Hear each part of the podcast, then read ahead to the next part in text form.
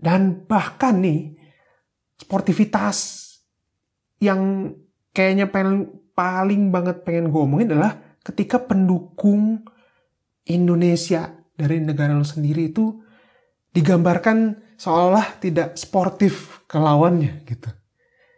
Ya karena kenyataannya di lapangan juga pernah kejadian kayak begitu. Hmm, Prambors Podcaster. Wah ini kontes apaan lagi ya? Tapi kayak seru dah buat gue ikutin. Hmm, gue tinggal di luar sih. Bukan di Indonesia tapi bisa ikutan kagak ya?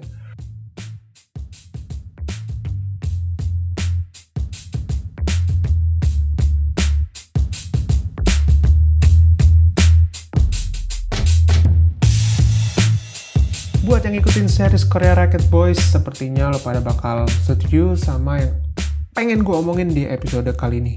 Episode pembuka setelah gue menyelesaikan tesis gue. Hah, karena kita mulai lagi berarti gue mungkin ingin memperkenalkan diri gue ya. Perkenalkan nama gue Ibi dari podcast Tepak Bulu. Ini sudah hampir tahun ketiga gue nge-podcast dan sepertinya harus mulai membiasakan diri lagi ya untuk bikin beginian lagi.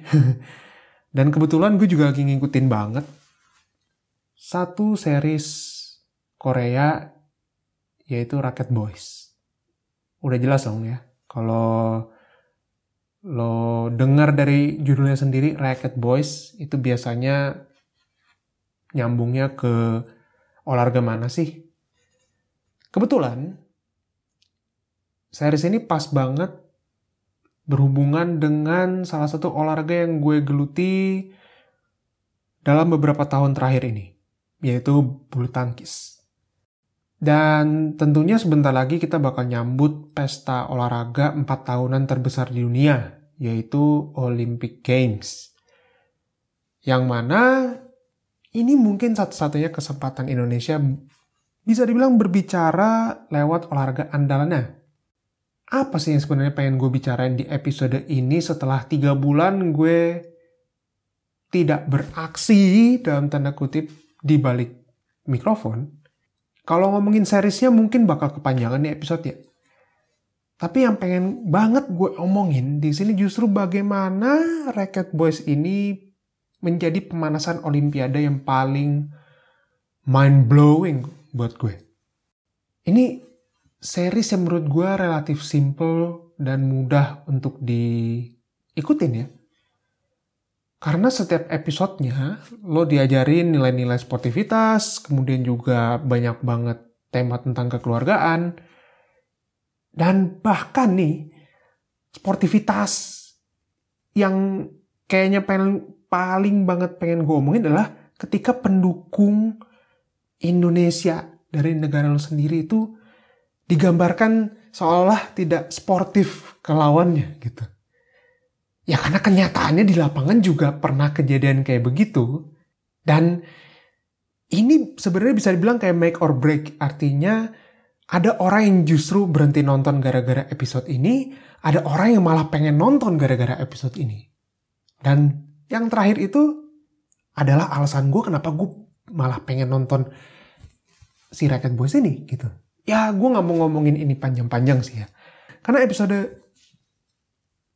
itu paling kontroversial tapi malah paling bagus menurut gue dari segi apa ya cara mereka menyampaikan pesan itu dan seolah-olah justru mereka malah mematahkan beberapa stereotip-stereotip yang biasanya beredar di bulu tangkis gitu Orang selalu ngira bulu tangkis itu olahraga individual, gak banyak peminatnya. Ini gue ngomongin dari skala dunia ya, bukan skala Indonesia ya. Kemudian juga gak sepopuler tenis, gak semenarik bola gitu. Tapi kalau lu ngeliat dari series ini gitu ya, badminton ini malah punya satu aspek yang sebenarnya tuh jarang banget orang lihat gitu teamwork. Teamwork itu nggak cuma di klub atau ketika lo bermain di sekolah atau lo bermain di platnas gitu ya. Tapi teamwork itu kerasa banget dari skala terkecil di kehidupan kita, yaitu keluarga. Lo bayangin bagaimana sebuah keluarga itu bisa memengaruhi apa ya? Memengaruhi passion atau memengaruhi cara lo memandang apa pun gitu. Awalnya kan si karakter utama ini memainkan olahraga yang berbeda gitu. Lalu lambat laun ternyata justru kita baru tahu bahwa ternyata oh dia ini dulu ada mantan pemain bulu tangkis gitu di masa juniornya. Dan kita diceritakan bagaimana kok dia bisa berubah haluan lalu kemudian kembali lagi gitu.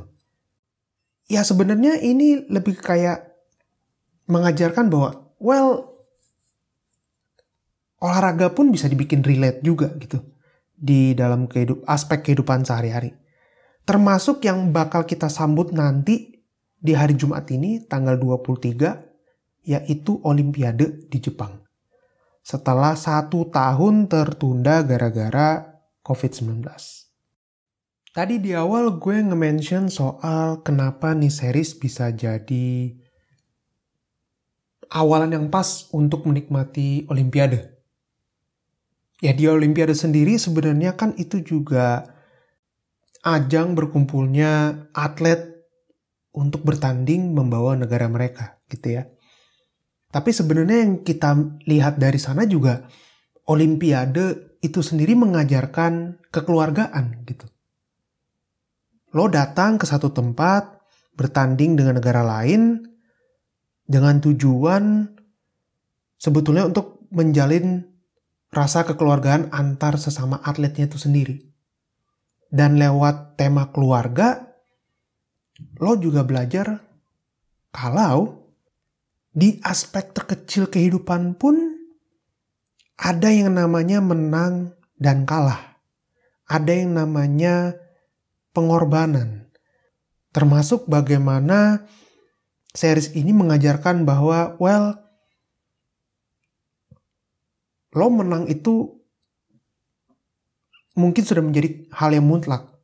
Tapi terkadang it's okay to lose sometimes. Sehebat-hebatnya pemain pun juga pasti tidak akan pernah lu melihat dia nggak pernah kalah. Dan Racket Boys mengajarkan bahwa proses dan juga koneksi baik keluarga ataupun hal-hal yang berhubungan dengan birokrasi itu juga ternyata bisa berpengaruh besar ke aspek kehidupan kita juga, baik itu di olahraga maupun di luar olahraga. Dan series ini juga ngajarin bahwa ternyata, well, lo akan kembali juga ke realita pada akhirnya. Mudah-mudahan episode ini menjadi pembuka sekaligus awalan untuk gue kembali nge-podcast setelah hiatus ngerjain tesis. Dan terima kasih untuk podcast Mas Asia Network dan juga Prambos Podcast yang sudah menyediakan challenge ini buat teman-teman podcaster yang ada di Indonesia. Gue Ibi undur diri dan kita ketemu lagi di episode minggu depan. Peace.